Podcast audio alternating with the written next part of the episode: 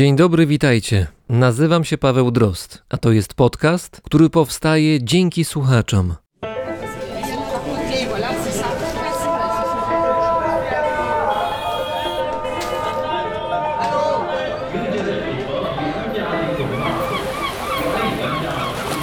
Brzmienie świata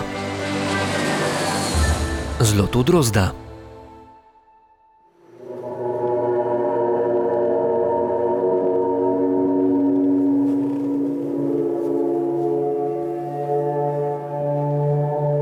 Wieloryby? Mało prawdopodobne. To centralna Kanada.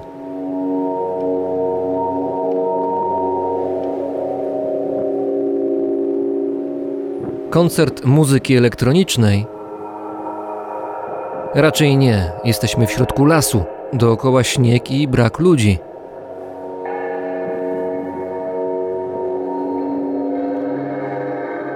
Scena z filmu science fiction.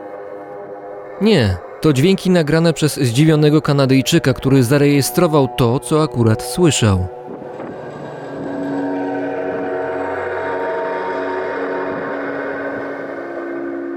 Był styczeń 2012 roku.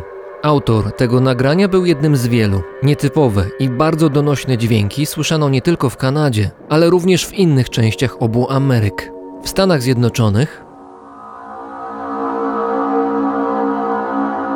na Kostaryce, w Chile, a także w Europie, w tym w Polsce. Tu akurat nagranie ze Szwajcarii.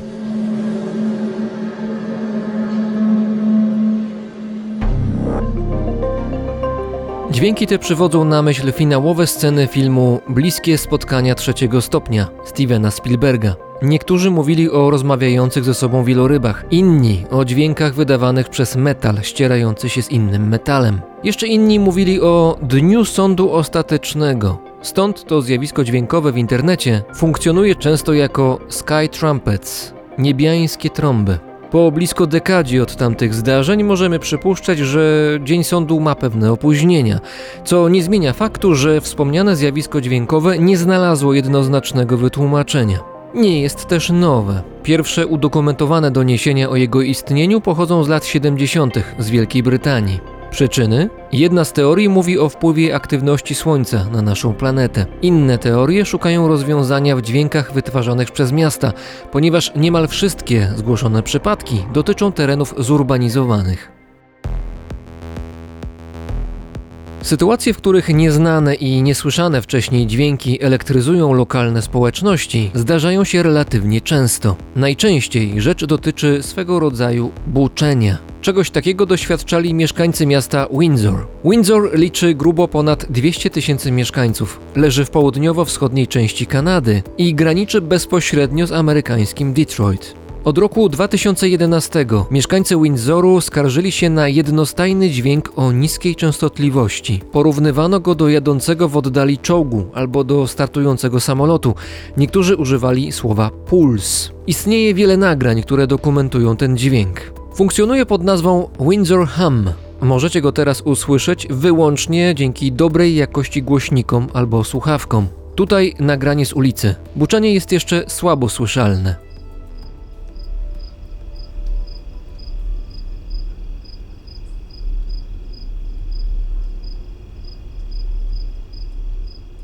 To nagranie zostało zarejestrowane również na ulicy, ale buczenie jest już bardziej wyraźne.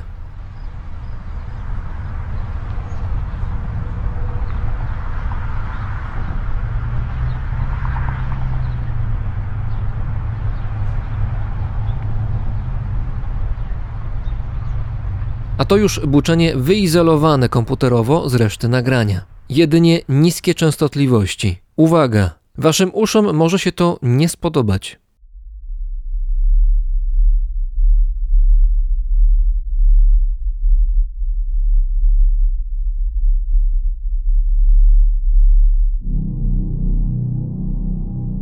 Dziwne buczenie w mieście Windsor było słyszane przez tysiące mieszkańców. W końcu, po kilku miesiącach, władze sprowadziły specjalistów, którzy mieli przeprowadzić badania i odpowiedzieć na kluczowe pytanie: gdzie jest źródło dźwięku? Eksperci uznali, że może być nim wyspa Zag. Zag leży po amerykańskiej stronie granicy i jest częścią Detroit. Jest to teren wysoce uprzemysłowiony, gdzie znajdują się wyłącznie zabudowania i urządzenia fabryczne, a przede wszystkim duża huta stali. Kanadyjczycy chcieli kontynuować tam swoje śledztwo. Podejrzewali, że winowajcą mogą być piece hutnicze. Amerykanie nie wyrazili jednak zgody na inspekcję. Po pierwsze, podważali istnienie problemu, ponieważ w mieście Detroit nikt nie skarżył się na dziwne dźwięki. Po drugie, wyspa Zag była obiektem chronionym, do którego dostęp był bardzo ograniczony. Sfrustrowani Kanadyjczycy niewiele mogli zrobić. Na rozwiązanie problemu musieli czekać 9 lat. W kwietniu zeszłego roku huta na wyspie Zak zawiesiła działalność i buczenie zniknęło. Do miejsc, w których zagadkowe dźwięki dosłownie spędzają ludziom sen z powiek, dołączyło niedawno miasto Darmstadt koło Frankfurtu. Tutaj problem pierwszy raz dał się usłyszeć w marcu zeszłego roku. Mieszkańcy słyszą buczenie o częstotliwości poniżej 100 Hz. I początkowo niektórzy z nich sądzili, że to efekt imprez nocnych, podczas których ktoś nadużywa ustawienia głośników. Buczenie jest dotkliwe szczególnie w nocy. Ludzie skarżą się na bezsenność, bóle głowy i ogólnie złe samopoczucie. Przyczyna buczenia wciąż nie jest znana. Na mniejszą skalę buczenie bywa słyszalne przez niektórych ludzi w Seattle. Po rozpatrzeniu różnych możliwości wysnuto teorię, zgodnie z którą winne są ryby. Chodzi o ryby z rodziny batrachowatych, które czasami, ze względu na kształt, nazywa się żaborybami. W okolicach Seattle duże stada takich właśnie zwierząt odbywają gody. W ich trakcie samce wydają sygnały akustyczne wabiące samice. Sygnały te przypominają nieco dźwięki słyszalne przy liniach wysokiego napięcia.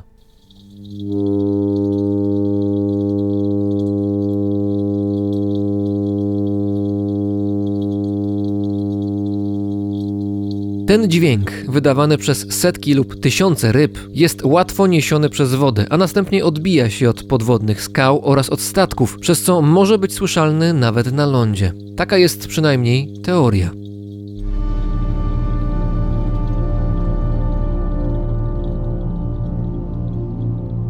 W marcu 2012 roku w mieście Clintonville w stanie Wisconsin w USA setki ludzi słyszały dziwne dźwięki i szukały pomocy, dzwoniąc na policję. Prawdopodobnie miasto doświadczało serii nakładających się na siebie bardzo lekkich trzęsień ziemi, właściwie niewyczuwalnych przez ludzi, ale odbywały się one na terenie, które usiane jest specyficznym skalnym podłożem, które przenosi dźwięki i wzmacnia je. To właśnie ten dźwięk prawdopodobnie słyszeli ludzie.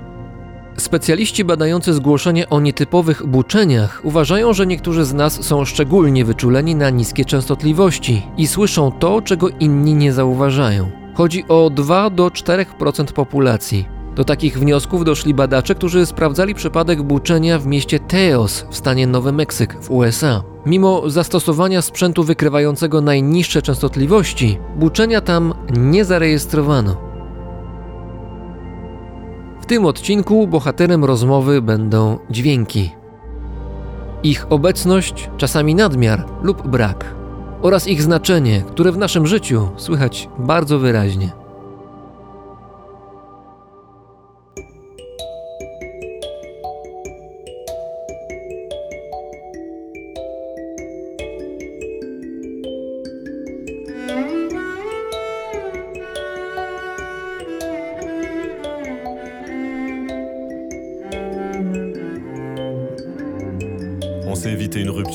Et violente. Pas besoin de se haïr pour passer à la page suivante.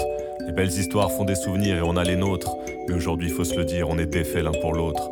L'amour est parti, on ne fait pas semblant. Tout n'est que nostalgie, je t'aime en noir et blanc. Plus besoin d'entendre ta voix, je dis pas ça pour provoquer. Et pourtant, au fond de moi, je veux juste te manquer. Now the curtain is down, got my knees on the ground. I'm begging for your love, sadness is gone. Keep on looking ahead, far away from my bed. My tears dried up on their own. But I want you to know I just want you to miss me. Just want you to miss me. So you can feel my pain. I just want you to miss me. Just want you to miss me.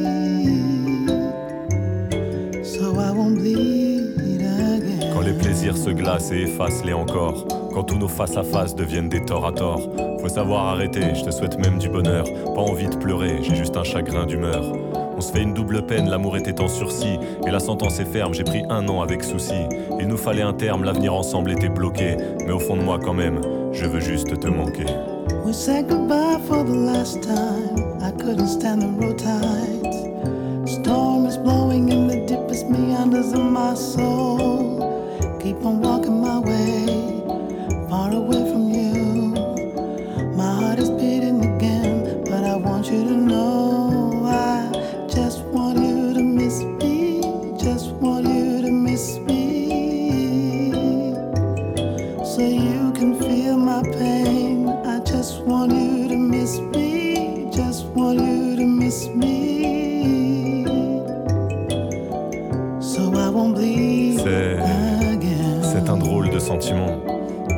Pas sûr que ce soit bien.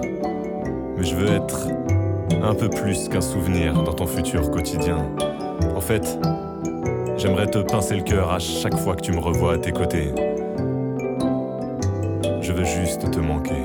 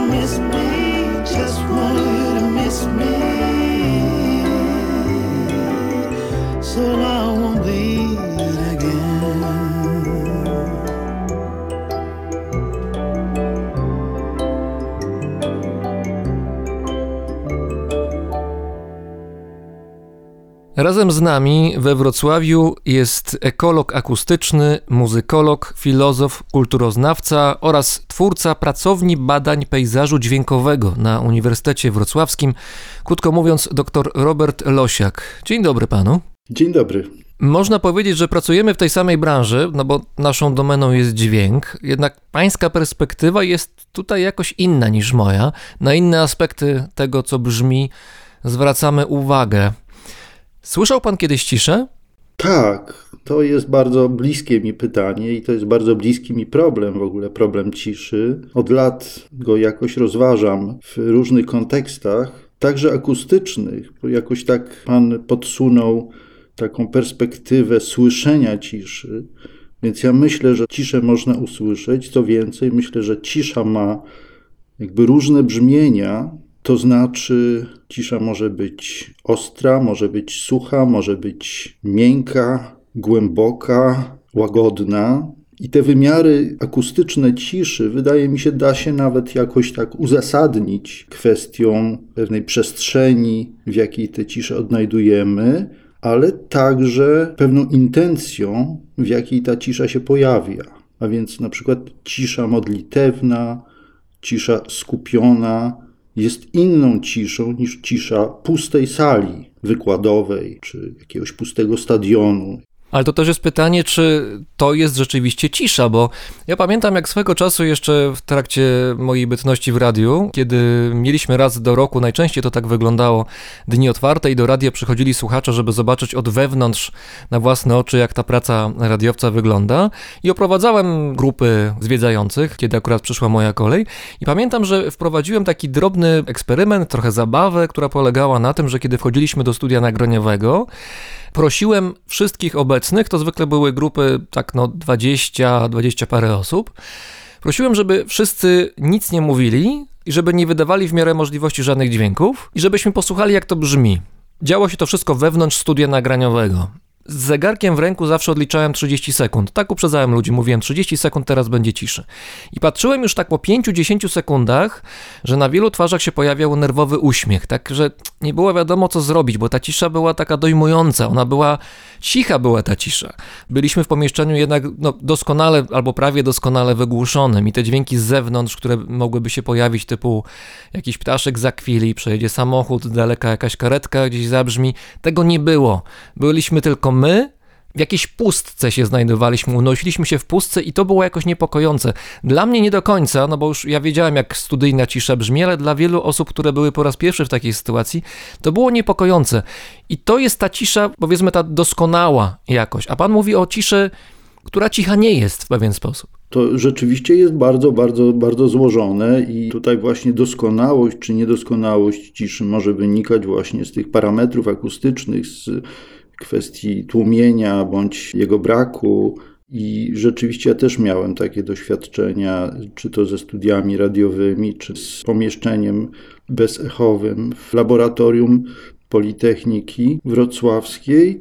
I też obserwowałem podobne reakcje osób, które ze mną tam przebywały, to znaczy pewnego niepokoju, wręcz nawet jakiejś takiej obawy, lęku, które muszę przyznać zupełnie były mi obce zawsze. Nie wiem dlaczego, może mam jakąś szczególną podatność na właśnie taką ciszę głęboką. Jeszcze taką głęboką ciszę przeżyłem w jednej z jaskiń w Tatrach i to było bardzo też głębokie doświadczenie, takie kujące, powiedziałbym, ale to ukłucie ciszy jest mi bliskie jakoś tak nie lękam się cisz, nie lękam się cisz, to właściwie zupełnie przypadkiem wyszedł mi taki cytat trochę z Cage'a, prawda? bo tam jest w jego odczycie o niczym jest takie stwierdzenie nie lękajcie się cisz, nie lękajmy się cisz, kochajmy je. Bo to jest chyba tak, że cisza ta doskonała czy prawie doskonała oznacza brak informacji, a brak informacji oznacza może to, że nie wiemy co się dalej wydarzy. No tak może być, jeżeli człowiek jest nastawiony na takie przetwarzanie informacji i stawia się w roli takiego przetwornika, albo oczekuje od rzeczywistości, że coś nastąpi. Natomiast jeżeli się jest, jeżeli się jest nastawionym na to istnienie, na bycie, tutaj trochę mówię z pozycji filozoficznej w tym momencie, to to przestaje być problemem po prostu jesteśmy, trwamy, tkwimy w tym momencie. I to jest absolutne, i to jest doskonałe, i to jest właśnie ten taki punkt omega, powiedziałbym, doświadczenia człowieka. Wiem, że to, co powiedziałem w tej chwili, brzmi bardzo górnolotnie, może nad wyraz, ale, ale ja to tak głęboko jakby odczuwam, bo też moje doświadczenie właśnie dźwiękowe i moje zainteresowanie dźwiękami ma podtekst właśnie trochę filozoficzno-egzystencjalny. A więc nie jest dla mnie tutaj problemem to, że ja jestem w danym punkcie i ta cisza, która mnie otacza, która mnie ogarnia, która czasami jest przytłaczająca, mrożąca, właśnie na mnie jakby spływa gdzieś tam z góry ja się w tym osobiście bardzo dobrze czuję. Poszukuję ciszy, pragnę ciszy i to nie jest tak, że moje życie codzienne właśnie jest nastawione na takie redukowanie kontaktu z dźwiękami otoczenia. Natomiast mam taką głęboką potrzebę odnajdywania miejsc właśnie ciszy, spokoju i te miejsca gdzieś też dają mi głęboką energię. Więc w tym sensie próbuję odpowiedzieć na Pana pytanie, że mam to doświadczenie na co dzień, także ze studentami moimi, z którymi często robimy, zaczynamy od ćwiczenia, takiego trwania w ciszy, po prostu w przestrzeni sali zajęciowej, i wiem, że dla wielu osób jest to trudne doświadczenie, nawet wytrzymanie tych 4-5 minut. To ja muszę się podzielić doświadczeniem, którego byłem częścią na początku tego roku chyba, w 43 odcinku Brzmienia Świata, moim rozmówcą był Piotr Łuj. To znakomita zupełnie postać, świetny człowiek, który tworząc filmy sferyczne, czyli takie na potrzeby gogli do oglądania rzeczywistości wirtualnej, nagrywa filmy dla osób, które jakoś potrzebują tego, to znaczy dla tych, którzy ze względu na stan zdrowia nie mogą zobaczyć na przykład, nie wiem, jaskiń czy gór wysokich, no bo nie są w stanie tam się pojawić. I Piotr przygotowuje dla nich taki rodzaj wirtualnej wirtualnej wycieczki. Oni mogą założyć te gogle na siebie i być wirtualnie w tych miejscach, w których normalnie by być nie mogli. I najczęściej Piotr pomaga w ten sposób dzieciom. I w tym odcinku w 43, w którym mm, rozmawialiśmy, zdecydowałem się zrobić mu niespodziankę, to znaczy gdzieś zauważyłem w sieci chyba na YouTubie, na jego kanale, powiedział, że, że chciałby kiedyś zrobić taką relację online do internetu, w której przez 15 minut nie musiałby nic mówić, tylko by milczał. Pomyślałem tak przewrotnie trochę, że może spróbuję umożliwić mu tę sytuację, czy takie małe marzenie i zaproponowałem w trakcie rozmowy, w trakcie nagrania naszej rozmowy, że przez 15 minut będziemy milczeć w duecie. I muszę przyznać, że to był duży eksperyment, bo nie wiedziałem, jak obaj na to zareagujemy, a co więcej, też nie wiedziałem, jak zareagują słuchacze. I co mnie bardzo cieszy, było wiele osób, słuchaczy brzmienia świata, które mimo zaskoczenia początkowego wysłuchało tej ciszy razem z nami. Nie przeskoczyli tych 15 minut w odtwarzaczu, tylko razem przez te 15 minut razem milczeli. Z nami, oczywiście z nami, nagranymi nami, w ciszy. No zresztą dla mnie to też było niemałe przeżycie osobiste, ponieważ no, jako radiowiec mam zakodowane, że nawet parę sekund ciszy to jest powód do niepokoju, a kilka minut to już w ogóle jest jedna wielka czerwona lampa, to jest dramat jakiś. A tutaj było 15 minut i to było to był czas, który musiałem jakoś wytrzymać. Początek był bardzo trudny, środek był chyba najtrudniejszy, ale potem jakoś zaakceptowałem to, że, że tego dźwięku nie ma, że gdzieś tam słyszałem tylko oddech po drugiej stronie, bo Piotr był wtedy w Reykjaviku, ja byłem w Warszawie, więc słyszeliśmy się przez słuchawki. Słyszałem, że gdzieś tam, nie wiem, raz chyba ugryzł jabłko, gdzieś tam jakiś oddech słyszałem głośniejszy, jakieś przesunięcie kartki. On pewnie u mnie to samo, ale generalnie cisza była przez 15 minut. I przyznam, że to jest doświadczenie, które dla mnie jest jednym z ważniejszych doświadczeń tego roku. Naprawdę to było mocne przeżycie. No to bardzo, bardzo mnie to cieszy, że pan tak to przeżywa i że, że, że to się tak da przeżyć. Wie pan, przypomina mi się, mówimy tutaj o cage'u, no nie bez powodu, prawda? Kulturowy, który zawsze gdzieś tam wychodzi przy okazji rozmowy o ciszy. Oczywiście znany mi jest słynny utwór Cage'a 433. Ale kiedyś natknąłem się na takie wykonanie 433 orkiestrowe i po raz pierwszy dopiero uświadomiłem sobie, że ten utwór jest skonstruowany z trzech części i no jak to kompozycja muzyczna, prawda? Każda z części jest przedzielona pewnym odcinkiem odpoczynku dla orkiestry, w tym wypadku właśnie dla dużego zespołu. I to bardzo wyraźnie wybrzmiało. To znaczy, wtedy, kiedy był fragment wykonywany, było to napięcie. Ono było widoczne i słyszalne, odczuwalne. Moment, kiedy część się kończyła i właściwie trwała cisza przerwy, prawda, między częściami utworu, brzmiał zupełnie inaczej. Ta cisza ma swoje odcienie, zauważalne jakoś. Zdecydowanie tak. I możemy się skupić mocniej i głębiej, a możemy ją przeżyć dość powierzchownie też. Być w pewnego rodzaju dystansie do tego. Ja nie wiem, czy to jest właściwe określenie, bo też trudno mi to wytłumaczyć. Ale ja na przykład robię też takie ćwiczenie ze studentami. Mam ze sobą taki dzwonek, i kiedy robię ćwiczenie na ciszę, to wygląda ono w ten sposób, że dzwonię najpierw, oni o tym wiedzą, dzwonię najpierw jeden raz i oni są w ciszy. Po mniej więcej dwóch minutach dzwonię dwa razy tym dzwonkiem i ich zadaniem jest to, żeby być w tej ciszy jakby bardziej. A potem po kolejnym odcinku dzwonię trzy razy i wtedy zakładam, że ta koncentracja będzie już taka maksymalna. Kiedy o tym rozmawiamy po zakończonym ćwiczeniu, to wiele osób to potwierdza, że one to wyczuwają, jak ta cisza gęstnieje z każdym odcinkiem. Ta koncentracja narasta i to jakby wejście w to doświadczenie się pogłębia. A co się dzieje na twarzach tych ludzi, kiedy pan na nich patrzy?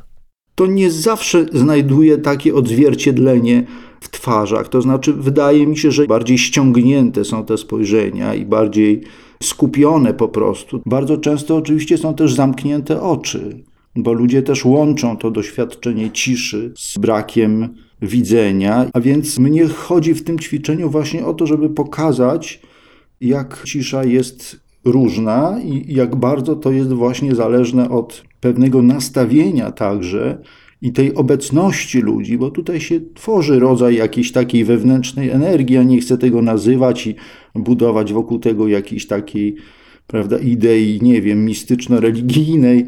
Natomiast na pewno jest tak, że ta energia milczenia w ludziach jest. Dlatego powiedziałem, że inna jest ta cisza, którą się odczuwa na przykład w miejscach modlitw, a inna w takich miejscach, które nie mają takiego charakteru. To jest taka cisza pustki wówczas, takiego opuszczenia, miejsca opuszczonego. To może być zresztą bardzo i przygnębiające, i bardzo trudne, i bardzo interesujące takie zetknięcie się z ciszą w miejscu opuszczonym. Ja bardzo lubię na przykład przebywać w salach, dużych salach wykładowych, w których nie ma nikogo, a szczególnie lubię takie miejsca w momencie, kiedy właśnie wszyscy wyszli. Prawda? Skończył się wykład, skończyła się jakaś konferencja, było mnóstwo ludzi, było wiele zamieszania, dużo takiej energii dźwiękowej się wytworzyło i nagle sala zostaje pusta. Nie wiem z jakiego powodu takie miejsce mnie bardzo przyciąga i już nieraz tak bywało, że, że zostawałem, prawda, jeszcze, żeby coś tam niby poskładać, a potem sobie siedziałem w tej sali i słuchałem jej. Ale to, czy to nie jest tak, że ja teraz spróbuję wczuć się trochę w, w pańską małą pasję, o której się teraz dowiadujemy, a czy to nie jest tak, że ten kontrast jest tutaj istotny? To znaczy, gdyby ta sala była pusta przez kilka dni i pan by do niej pustej wszedł, to ta pustka i cisza by brzmiała inaczej niż w sytuacji, kiedy przed ciszą coś się tam działo na miejscu. To jest niewykluczone, chociaż także lubię puste sale same w sobie, ale prawdopodobnie tutaj działa jakiś jeszcze inny element, jakiejś takiej refleksji, która się pojawia nad sytuacją, nad ludzką egzystencją, kiedy właśnie coś się dzieje, a potem nagle przestaje się dziać i wracamy do pustki. Wspominał Pan wcześniej o jakimś laboratorium na Politechnice, bodaj takim, które akustycznie jakoś jest specjalnie wygłuszone. Tak, no to jest takie laboratorium, taka komora bezechowa. To jest takie pomieszczenie, bo ja wiem wymiarów przeciętnego pokoju mieszkalnego, około 20 metrów, może nawet mniej kwadratowych, całkowicie wewnątrz wyłożone takim materiałem, prawda, dźwiękochłonnym, bardzo geometrycznym, no tak jak w studiach radiowych, ale jeszcze jest to bardziej jakieś takie skomplikowane. Faktem jest, że rzeczywiście to pomieszczenie działa niezwykle tłumiąco wobec dźwięków, a co najbardziej jest w nim ciekawe, to to, że jeżeli się rozmawia z drugą osobą, czy pojawia się jakikolwiek dźwięk, to słychać bardzo wyraźnie kierunek tego dźwięku. To jest niesamowite. My, kiedy spotykamy się ze sobą, w normalnych warunkach, to przecież słyszymy dźwięki ze wszystkich stron. Natomiast tam bardzo wyraźnie słyszałem kierunkowo. Tak jakby, jakbym widział tą ścieżkę, po której ten dźwięk do mnie przechodzi. On pochodził wyłącznie bezpośrednio z ust osoby mówiącej, a nie dookoła mnie. To jest bardzo ciekawe, wyjątkowe, odkrywcze. Drugim elementem, który się tam pojawił właśnie w tej przestrzeni, no to jest właśnie ta gęsta cisza taka gęsta, głęboka, taka miękka, powiedziałbym, bo na przykład cisza w jaskini, w której byłem, była twarda. Tak to odczuwałem, była jakaś taka ostra. Ale ostra w tym sensie, że jakoś atakowała pana? To znaczy, to jest tak, że chyba w uszach coś się wytwarza, to już ja nie jestem w stanie tego powiedzieć. Może działają tutaj jakieś takie czynniki akustyczne, ciśnienia i to ciśnienie się jakoś inaczej rozkłada. W każdym razie miałem poczucie takiego świdrowania w uszach. Myślę o tej jaskini. Natomiast tam nie. Tam była jakaś taka dziwna miękkość. Te uszy wydawały się jakby zatkane, zalepione czymś, jakąś taką substancją.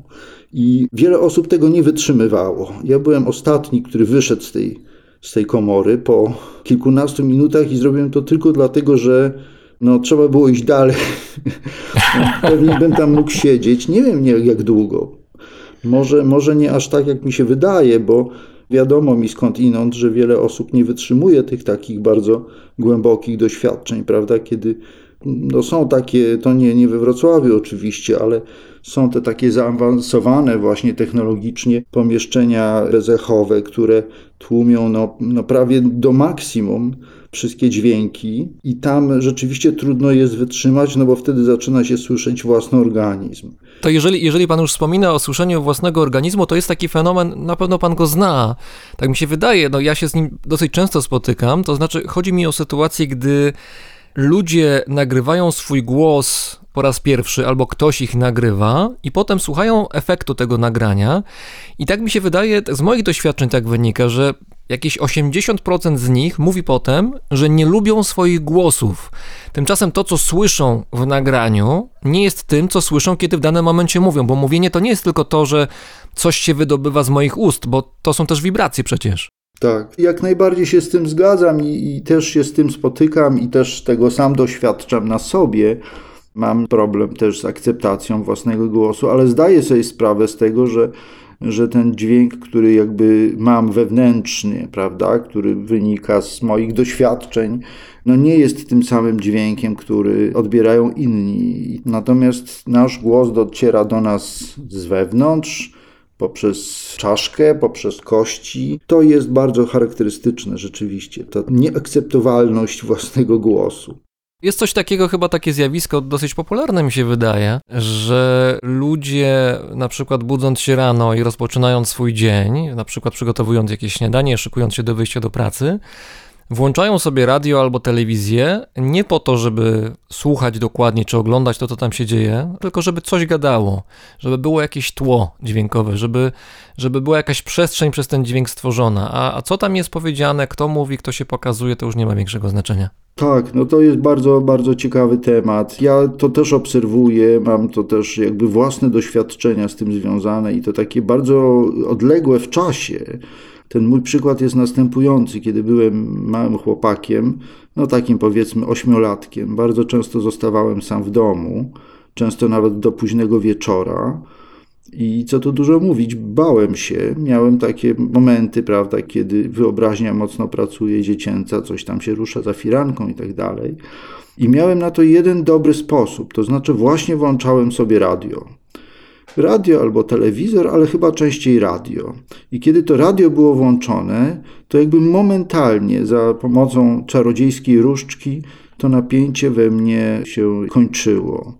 Co ciekawe, ja wtedy już się nad tym zacząłem zastanawiać, dlaczego tak jest, prawda? Co tutaj działa? Przecież właściwie nic się nie zmieniło. Realnie moja sytuacja jest dokładnie taka sama, ale pojawił się dźwięk, i ten dźwięk ma jakiś sens, coś ważnego przynosi. Teraz z dzisiejszej perspektywy powiedziałbym tak, że to, co łączymy z tą sytuacją, którą Pan tutaj opisał, to jest na pewno jakieś takie budowanie pewnej przestrzeni międzyludzkiej, bo to są często właśnie różnego rodzaju media, przekazy informacyjne. Jeszcze inny przykład, nie wiem, czy Pan się z tym zetknął, przypuszczam, że tak. W tej chwili jest bardzo wiele takich nagrań takiego ambientu kawiarnianego w internecie. Całe godziny mhm. można sobie tak, tak, tak. ustawić jakąś kawiarnię i, i, po prostu na przykład przy tym pracować. Słyszymy jakiś ekspres do kawy, wolne rozmowy, stukanie łyżeczką, te wszystkie dźwięki nieśpieszne, przyjemne, takie ludzkie. Więc y, ta potrzeba obecności dźwięku, który świadczy o, o życiu, zaświadcza o ludzkiej obecności, takiej potencjalnej, wydaje mi się tutaj kluczowa do zrozumienia tego fenomenu, że potrzebujemy dźwięku. No czasami jest to oczywiście muzyka. Jeśli chodzi o mnie, to ja oczywiście też temu jakoś tam ulegałem, zaczynając od, od dzieciństwa, natomiast w tej chwili ćwiczę w sobie to, żeby tego nie robić. To jest zresztą takie ćwiczenie, które też znam z literatury ekologii akustycznej, że na przykład staramy się codziennie radio włączać o 15 minut później. Rozumiem, celowo pozbawia się pan, czy ogranicza pan bodźce dźwiękowe, które normalnie by pana otaczały w normalnym dniu? Tak, właśnie tak. Zwłaszcza takie bodźce, które są tymi takimi no, bodźcami sztucznymi, prawda? Bo przecież nie wyłączę dźwięku windy, sąsiada, samochodu na ulicy i tak dalej. Natomiast mogę sterować tą audiosferą swojego mieszkania właśnie między innymi, czy w dużym stopniu poprzez to, że ograniczam emisję tych dźwięków z mediów. Na przykład wyłączy pan podcast Brzmienie Świata, żeby tam już ten drost nie gadał. Tak.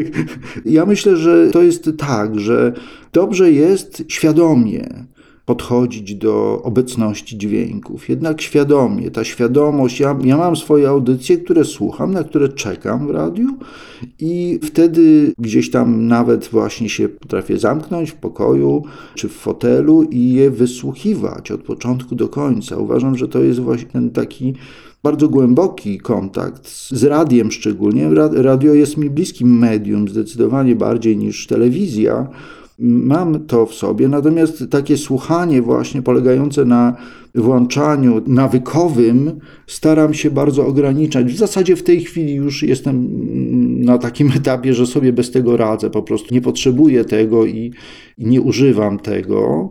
Też takie zadania zadaję studentom. Oni potem muszą opisywać swoje wrażenia. Dzień bez radia. Bez radia ani bez, bez jakiejś muzyki puszczanej w tle jak się z tym czujemy, co wtedy się z nami dzieje. No ja nie jestem oczywiście tutaj pewien, czy moi studenci w 100% realizują to zadanie. nie może pan zweryfikować za bardzo. Tak, ale z różnych wypowiedzi ich wynika, że przynajmniej częściowo się starają, dlatego że widać, że nagle coś się zmienia w ich świadomości. Zdecydowanie się coś zmienia. Ale co się zmienia? To znaczy zmienia się rodzaj refleksji wokół tego, co jest wokół nas, czy zmienia się podejście do dźwięku jako takiego? Co się z tymi ludźmi dzieje? Więc chyba jest taka większa refleksyjność, taka większa podatność na takie głębsze myślenie o rzeczywistości. To jest raz.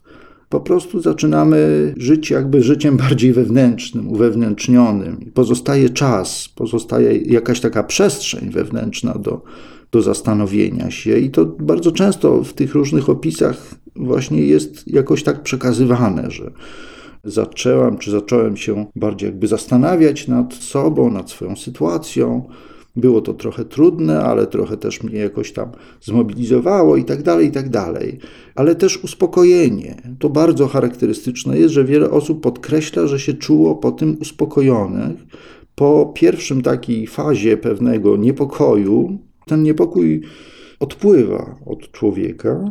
I na przykład zdajemy sobie sprawę z tego, że że media, te przekazy właśnie radiowe, muzyczne, no bardzo często budują pewne tempo naszego życia. Tempo, które muzyka buduje w różnego rodzaju sytuacjach społecznych, takich jak na przykład zakupy. Czy mówi Pan o takiej muzyce, która sobie plumka gdzieś w tle, kiedy robimy zakupy w danym sklepie? Tak, myślę o tym tle i to tło oczywiście przecież tak samo tworzymy w naszym domu.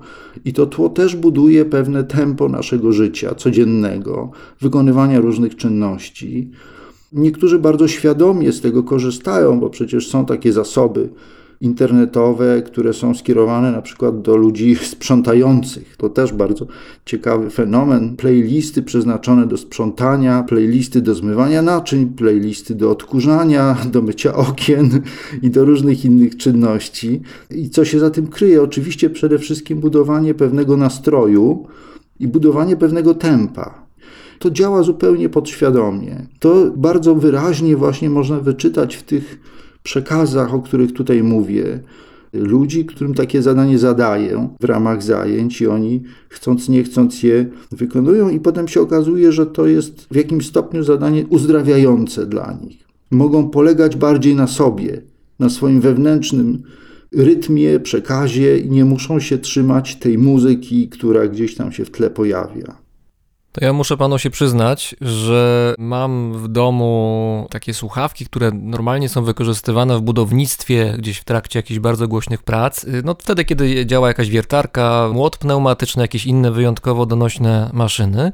I używam tych słuchawek, gdy w domu jest gwar i muszę się skupić na pracy, ale jest druga sytuacja, gdy w ciągu dnia potrzebuję się zdrzemnąć, bo czasami lubię sobie taką drzemkę zrobić i wtedy zakładam sobie te słuchawki i one mi odcinają pięknie od rzeczywistości. Zasypiam w ciągu kilku minut.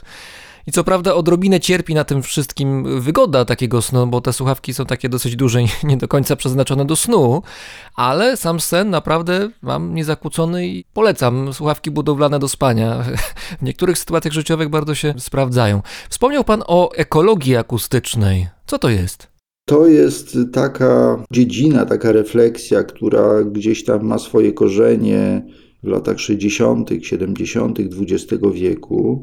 Ta współczesna ekologia, która zaczęła się od Muraja Schaffera. Muraj Schaffer jest, czy był niestety właśnie parę miesięcy temu zmarł kanadyjski kompozytor, badacz audiosfery, czyli tej przestrzeni dźwiękowej, ekolog. Otóż ekologia akustyczna właściwie no, zaczyna się od potrzeby naprawiania świata w zakresie dźwiękowym, to znaczy poczucie zagrożenia, zanieczyszczenia środowiska dźwiękowego, zanieczyszczenia czymś, co nazywamy potocznie hałasem, czyli nadmiarem dźwięków, dźwięków niechcianych, dźwięków niepotrzebnych, dźwięków zbyt głośnych, które wpływają na nasz stan zdrowia fizycznego i psychicznego. No i ekologia akustyczna właściwie zaczęła się od tego, że zwróciła na to uwagę i chciała przeciwstawić się temu procesowi coraz większego zanieczyszczenia środowiska dźwiękowego. Tak to się zaczęło. Przy czym to, do czego ta refleksja doszła, było bardzo szerokie i bardzo rozległe. Mianowicie Murray Schaffer doszedł do, moim zdaniem, bardzo słusznego wniosku, że tych wszystkich procesów powiększania hałasu w przestrzeni wokół człowieka nie da się zatrzymać wyłącznie poprzez różnego rodzaju jakieś takie mechaniczne działania prawne i technologiczne, ale że istotą całej sprawy jest pewna świadomość człowieka. To znaczy właśnie praca nad budowaniem pewnej potrzeby dostrzegania dźwięków otoczenia. Na poziomie takim bezpośrednim wydaje się, że jesteśmy bezradni, natomiast ta świadomość się jednak powiększa. I w tej chwili już jest tak, gdybyśmy spojrzeli na świat współczesny i ten sprzed 30 lat, no to dostrzegamy, że na przykład w pociągach pojawiają się przeciały, wagony dla ludzi, którzy chcą być w ciszy, że takie pomieszczenia ciche pojawiają się w centrach handlowych, że pojawia się w miastach niemieckich na przykład, to sam też zaobserwowałem, są ograniczenia prędkości w nocy jest tam wyraźnie napisane, że jest to związane z tym, żeby nie powiększać hałasu. Tych przykładów byłoby znacznie, znacznie więcej. I, I to jest sprawa pewnej świadomości. Więc wydaje mi się, że ten proces następuje. To jest proces oczywiście długotrwały i trochę taki jak, jak kropla drążąca kamień, ale bardzo wiele się zmienia i wydaje mi się, że z tym nigdy oczywiście nie będzie bardzo dobrze, ale mamy prawo sądzić, że jednak będzie, będzie lepiej, że producenci się starają też używać takich technologii, które powodują znaczne zmniejszenie emisji dźwięków, urządzeń codziennego użytku. Ja dosłownie parę tygodni temu uruchomiłem taki stary odkurzacz sprzed 30 lat. To wcale nie był aż taki bardzo stary odkurzacz, jak na ówczesne czasy, dość nowoczesny i byłem przerażony dźwiękiem, jaki on wydaje. To jest dzisiaj już niespotykane, już nie ma chyba takich odkurzaczy i wielu innych urządzeń, które są cichsze. Ale to nie jest sprawa tylko ciszy, to jest sprawa także pewnej jakości tego designu dźwiękowego, który nas otacza, pewnych możliwości. Murray Schaffer w latach 70. w jednym tekście napisał, że a co by to było, gdyby dźwięki telefonów były różnorodne? Przewidział przyszłość trochę. No i proszę, żyjemy w czasach, gdzie każdy z nas może sobie to wszystko dobrać, spersonalizować, zrobić to w sposób taki niezwykle interesujący.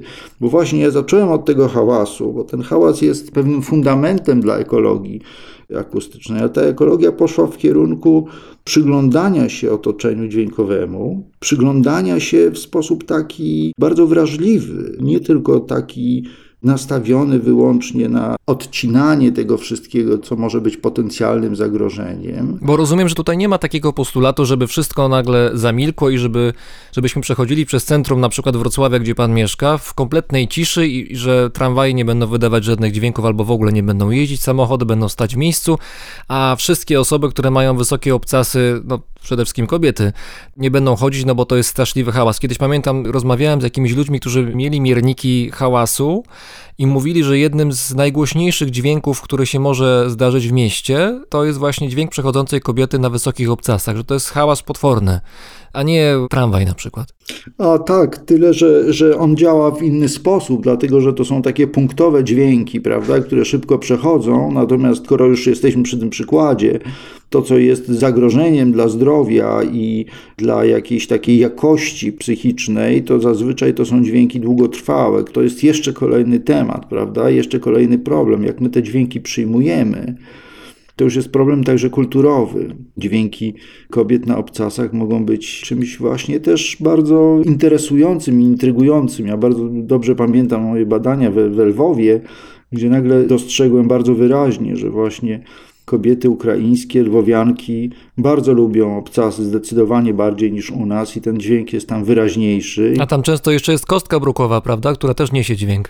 To swoją drogą, to jeszcze jest kostka, tak, ale właśnie są te dźwięki obcasów. Ale wracając do tego pytania o wyciszenie, zdecydowanie nie chodzi o to, by uciszać ludzi, ludzkość, czy w ogóle otoczenie. To by było kuriozalne i absolutnie bym nie przykładał tutaj swojej ręki i swojej głowy do takiej idei.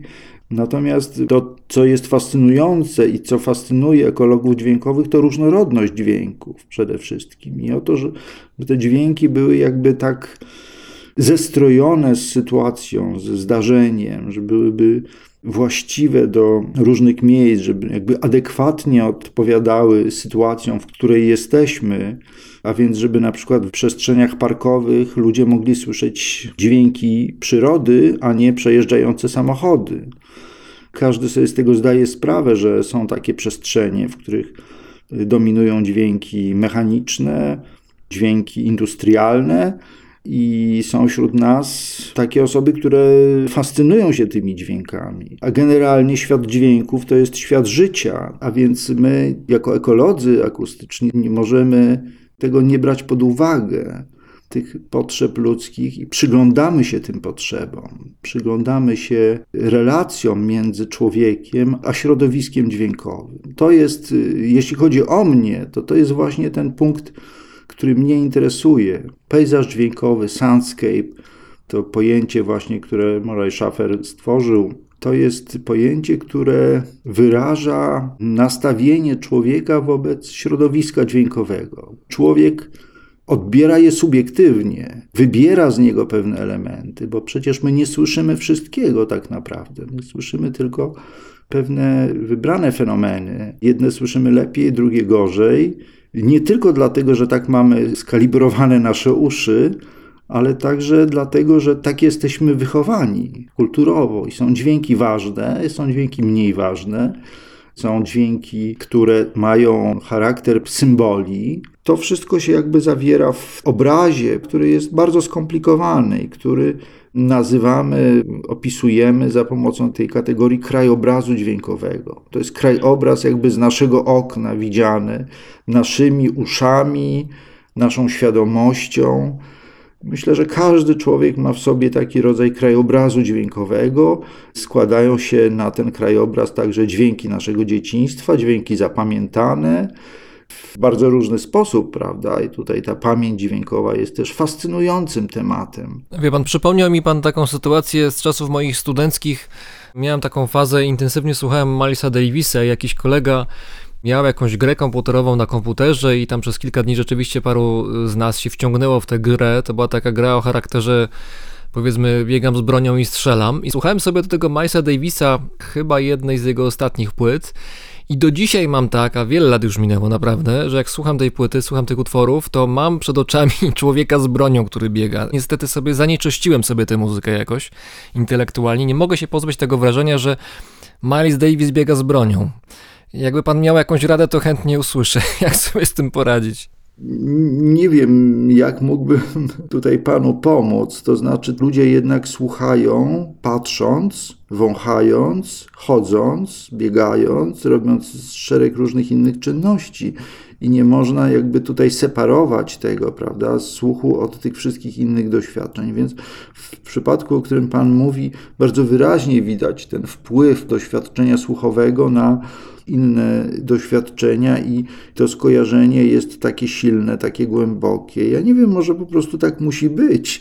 Oj, niech, niech pan mnie nie przeraża, naprawdę. Miles Davis z AK-47 to nie jest to, co chcę mieć przed oczami, kiedy słucham tej muzyki. Tak naprawdę no, bardzo wielu osób ma takie doświadczenia z muzyką, prawda? I mówię tutaj w, jako muzykolog, jako nauczyciel uczący studentów muzykologii.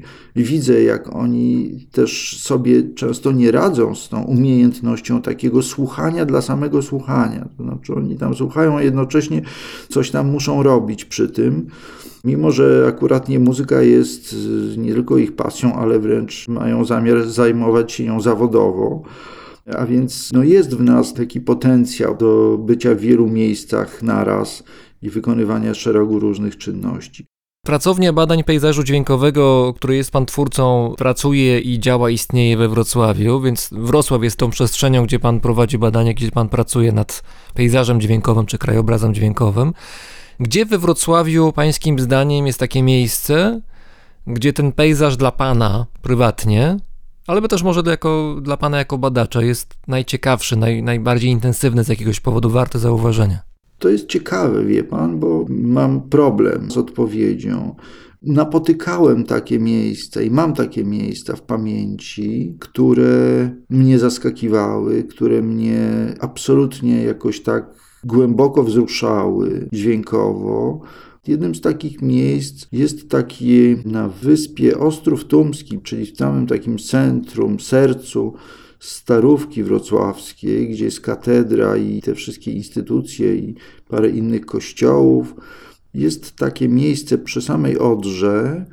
Podchodzi się takimi schodkami w dół i tam woda właściwie sięga już, można powiedzieć, do tego ostatniego schodka. I tam można usłyszeć, jak ta woda omywa ten murek kamienny czy, czy ceglany właściwie. Bardzo wyraźnie go tak muska. To jest taki rodzaj odgłosu, który gdzieś tam w literaturze, nawet w literaturze pięknej zresztą, bywał nazywanym laskaniem rzeki. Mm, ładne. Tak, to gdzieś tam podchwyciłem od kolegi, który zajmował się Bugiem i czytał takie książki właśnie o Bugu gdzieś tam z literatury XIX wieku i oni tam właśnie sprowadzili to pojęcie mlaskania wody. Wydaje mi się, że ono jest bardzo adekwatne właśnie do tego dźwięku, który się tutaj pojawia. On jest bardzo delikatny, dyskretny, a z drugiej strony wyraźny. Rozkołysanie, drobny ruch wody, rzeki, który właśnie tak się tam na tym murku zatrzymuje i tak go właśnie omywa. I to jest jakby pierwszy plan, ale tam zaraz jest drugi plan, czy trzeci, kolejne plany. To są już plany całego miasta, prawda? dźwięków, które pojawiają się w takiej przestrzeni dalszej i to są dźwięki z mostów. Szczególnie tutaj jest most pokoju najbliższy, potem most grunwaldzki, słyszane samochody, szum, ten poszum miasta gdzieś daleki. To wszystko w, właśnie w kontekście takiego drobiazgu dźwiękowego, tego mlaskania.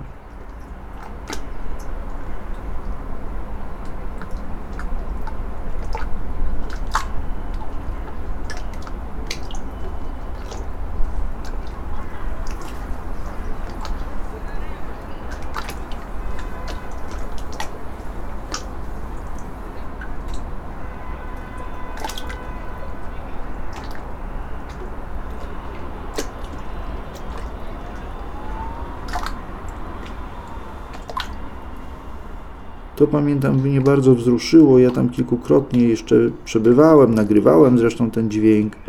Ten dźwięk jest mi tutaj bardzo bliski.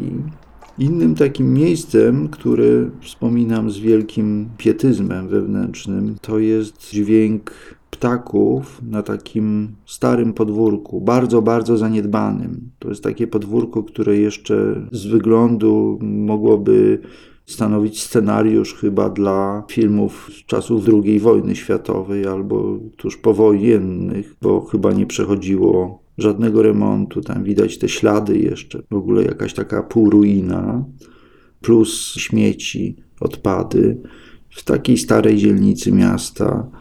I to, co było fascynujące, to właśnie ten, ten kontrast. Wie pan, ten kontrast, to zestawienie przestrzeni tak no, smutnej, przykrej, nieprzyjemnej wizualnie, z pięknym, cichym, przestrzeń studnia, takie podwórko, a więc izolowana od tych dźwięków miasta zewnętrznych, a z drugiej strony też bardzo akustycznie taka wybijająca się, wybijająca te dźwięki ptaków. I tam były wtedy, to było lato, to był czerwiec, tam były jeżyki, pamiętam krążące tak wieczorem nad tą przestrzenią i jeszcze pewnie jakieś inne gatunki ptaków krążyły po tym podwórku.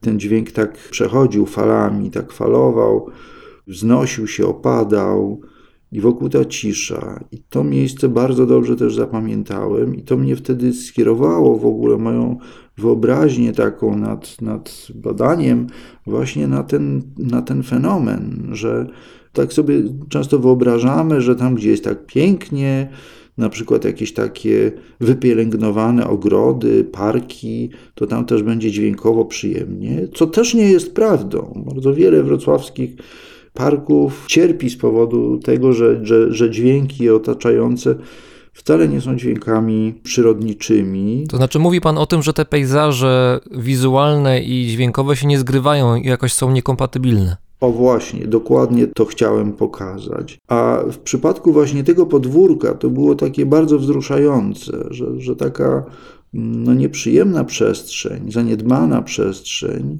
równocześnie może być tak intensywna dźwiękowo, dawać tyle przyjemności, satysfakcji. Ja tam siedziałem sobie, prawda, na jakimś murku, na jakimś kamieniu i słuchałem tego.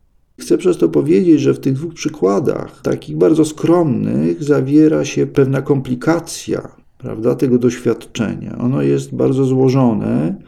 Tutaj nie mówię o jakichś fajerwerkach, o jakichś właśnie takich bardzo pięknych, niezwykłych, szalonych przykładach. Natomiast mówię o dźwiękach, które się pojawiają w takich przestrzeniach codziennych. Często są to jakieś takie dźwięki ukryte. Takie miejsca we Wrocławiu też są, jak zresztą w wielu miastach. To nie jest tutaj nic nadzwyczajnego. Wrocław nie ma jakiejś super specyficznej przestrzeni dźwiękowej. A są jakieś miejsca w Polsce czy za granicą, które chciałby pan usłyszeć, jakoś doświadczyć dźwiękowo? No, na pewno jest bardzo wiele takich zdarzeń czy miejsc, które lubię i które miałem okazję też doświadczyć. Lubię na przykład dźwięki dzwonów, które się pojawiają w takich przestrzeniach wysokich gór, to znaczy gdzieś tam w dolinach górskich, na przykład w Alpach. I to jest to, co bardzo lubię i co bym bardzo chciał usłyszeć jeszcze i, i słuchać tego wielokrotnie. W ogóle dźwięk dzwonu, ja już pomijam jego konteksty religijne, bo tutaj nie musimy o tym mówić nawet i brać tego pod uwagę, ale on jednak kulturowo jest czymś bardzo mocno wprzęgniętym w jakąś taką naszą, naszą tradycję.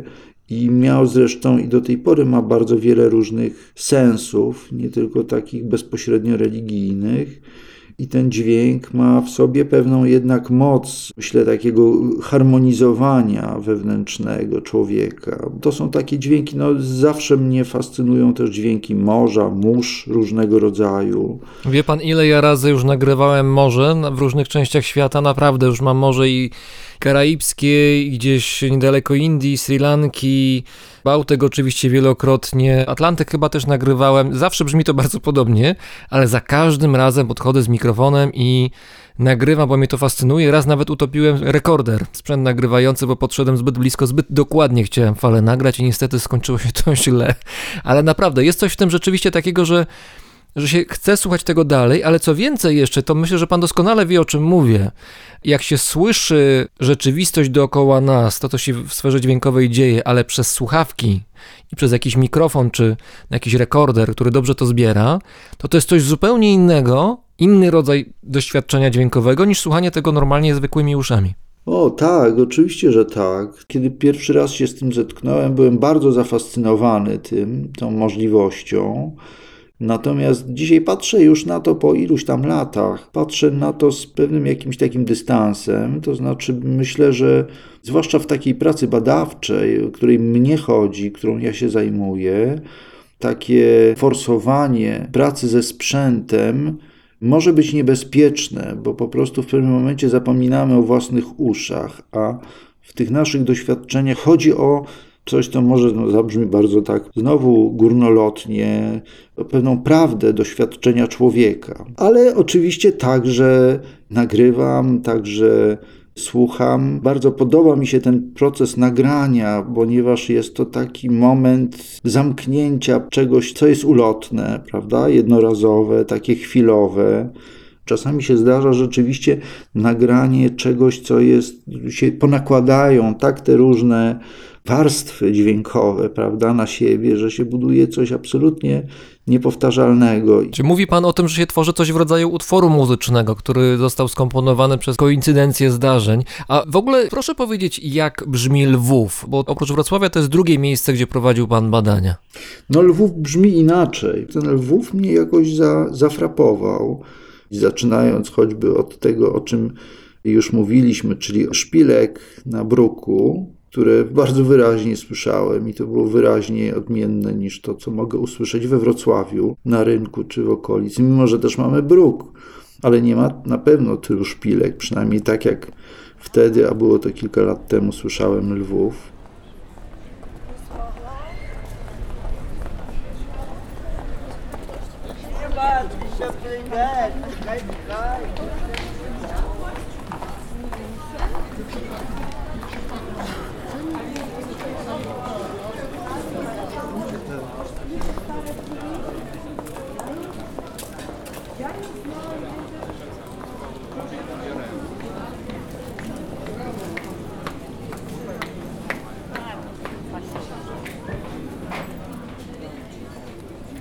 Po drugie, Lwów to miasto bardzo dźwiękowo-muzyczne. Tam jest ogromna ilość muzyków ulicznych. Co więcej, było wiele takiego spontanicznego śpiewu. Ludzie po prostu śpiewają. Ukraińcy ciągle jeszcze śpiewają tak na co dzień do siebie. Ja słyszałem parokrotnie ludzi, którzy śpiewali w restauracjach, w kawiarniach.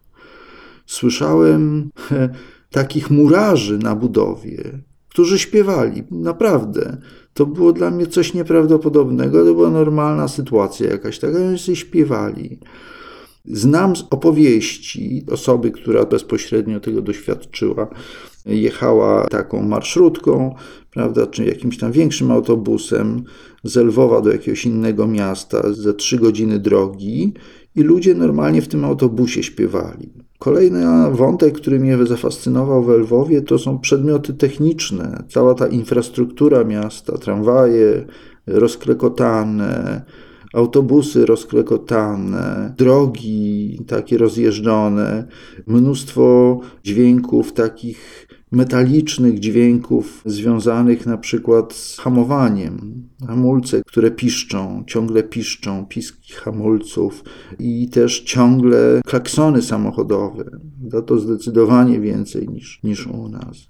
To jest miasto, które z wielu powodów właśnie brzmi inaczej. Ja się tam inaczej też czułem dźwiękowo niż, niż we Wrocławiu. Miałem też takie wrażenie, że sposób wypowiedzi, pewnej takiej ekspresji języka jest po prostu inny.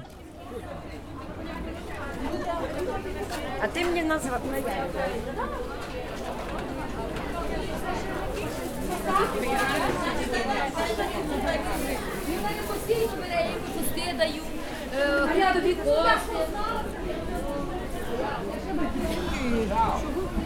Thank you.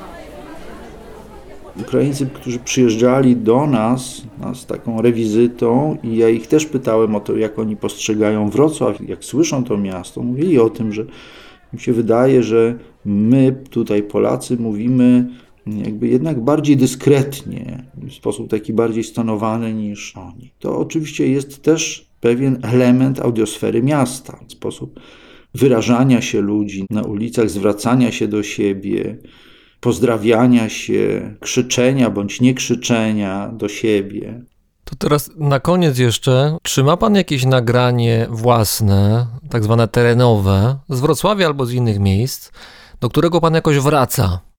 No, mam takie nagrania, to nie jest, jest nie jedno takie nagranie. Mam takie nagranie z wrocławskiego rynku, które zostało wykonane z dobrych 10 lat temu, w Sylwestra, ale już tak trochę po północy, gdzieś około godziny trzeciej nad ranem. kiedy właśnie w jakiś taki naturalny sposób nawiążę do tego, o czym gdzieś tam na początku mówiłem, o moich takich upodobaniu przebywania w miejscach, gdzie się coś wydarzyło i, i nagle już to miejsce gdzieś tam pustoszeje. No więc ja się znalazłem na tym rynku, ponieważ w Sylwestra w północy pewnie bym tam nie mógł być, bo to niespecjalnie dobrze odbieram takie miejsca, ale wtedy już o tej godzinie późniejszej już kurz opadł, można by powiedzieć, po tych zabawach, po tych hucznym świętowaniu. Natomiast na ulicy, na bruku rynku było mnóstwo szkła. Po prostu butelek, potłuczonych butelek. No i tak się chodziło po tym szkle.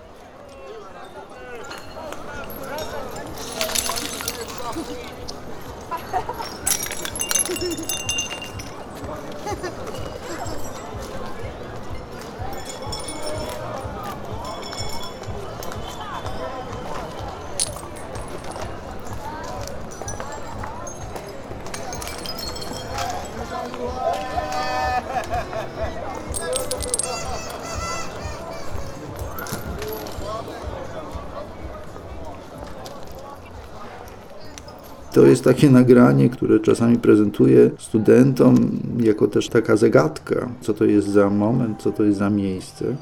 Lubię je, ponieważ to szkło brzmi ciekawie po prostu. To jest jedno z takich nagrań, do których wracam.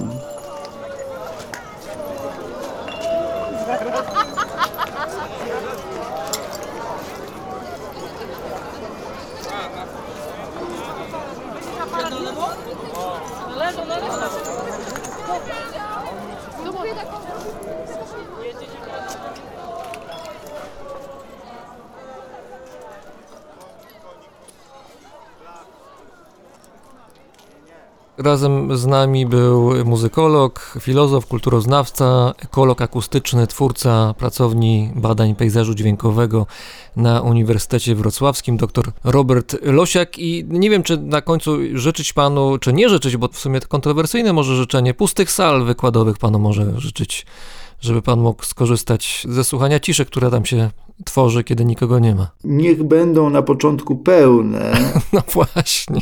ale potem z pewnością przychodzi taki moment, kiedy wszystkie sale pustoszeją. Tak to już jest. I warto też się wtedy zatrzymać i posłuchać, wsłuchać w to, co zostaje.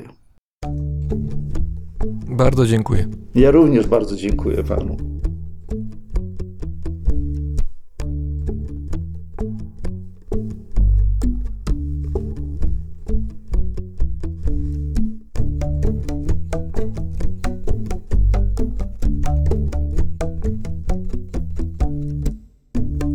What you mama hama can do Kaj siin lapsest õhtus sipis alus hääl, siit õlu peale, su piirikule peale. kui kasin peale keerus sinist tuuri peal, piirivilluks õdudus oli kõri peal peale. kui kasin lapsest kõige naas seal, siit kõnes uinas sinine peal. Teu braço seja para ter nas pernas E nos buscar que capitar Piri cara sevi piro kiri tatu kahara Piri tanu sevi kai kiri tatu fara One's in the money can the money can do Now that I ride me my money can do Once in the balls in the party balloon One now I ride with my man can do hey and I had just a body balloon. Now I can ride my my mama can do. Once and I ride with muddy balloon. Now that I ride that my mama can do. Eh, Once in a can papa lamp. Rainbow that I ride in a mama can do. Once you are married and the neighbor. Now that you ride that your mama can do.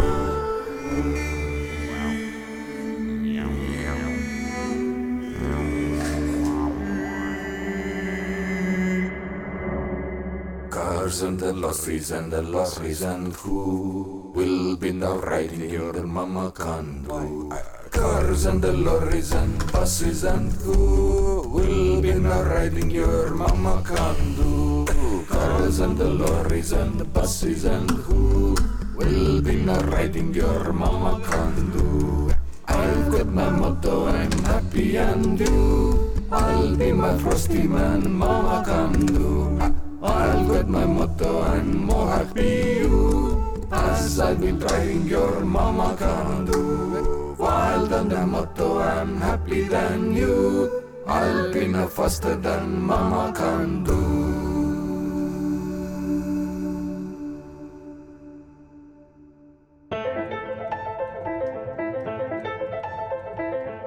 Słuchaliście 78 odcinka Brzmienia Świata z lotu Drozda. To audycja, która powstaje dzięki słuchaczom, którzy wspierają mnie na Patronite. Bardzo, bardzo za tę pomoc dziękuję. Dzięki Wam mogę pracować i przygotowywać dla Was kolejne odcinki Brzmienia Świata, które pojawiają się w każdą sobotę rano. Więcej szczegółów na temat mojej pracy znajdziecie na patronite.pl oraz na mojej stronie pawełdrost.pl.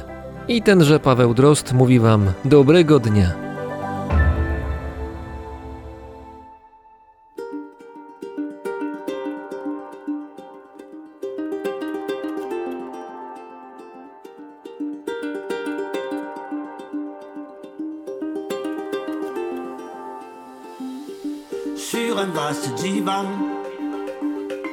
Une fille longue et nue, virage des savants, visage ingénu.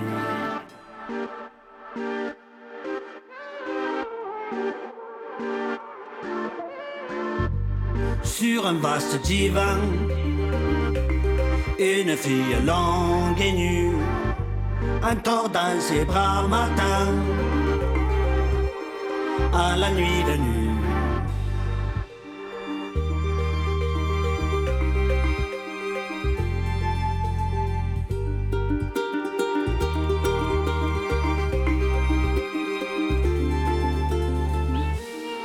La nuit venue, je me précipite évidemment. La nuit venue,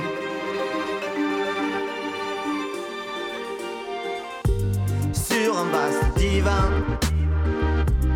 Une fille longue et nue, virage des reins savants, visage ingénu.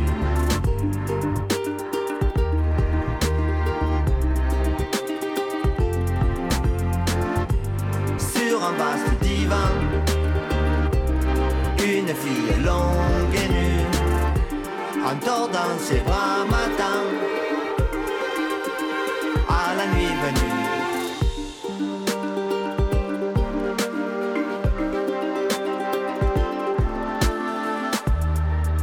La nuit venue, je me précipite évidemment vers cette longue fille nue. Là-bas qui m'attend, la nuit venue, je me précipite évidemment vers cette longue fille nue. là-bas.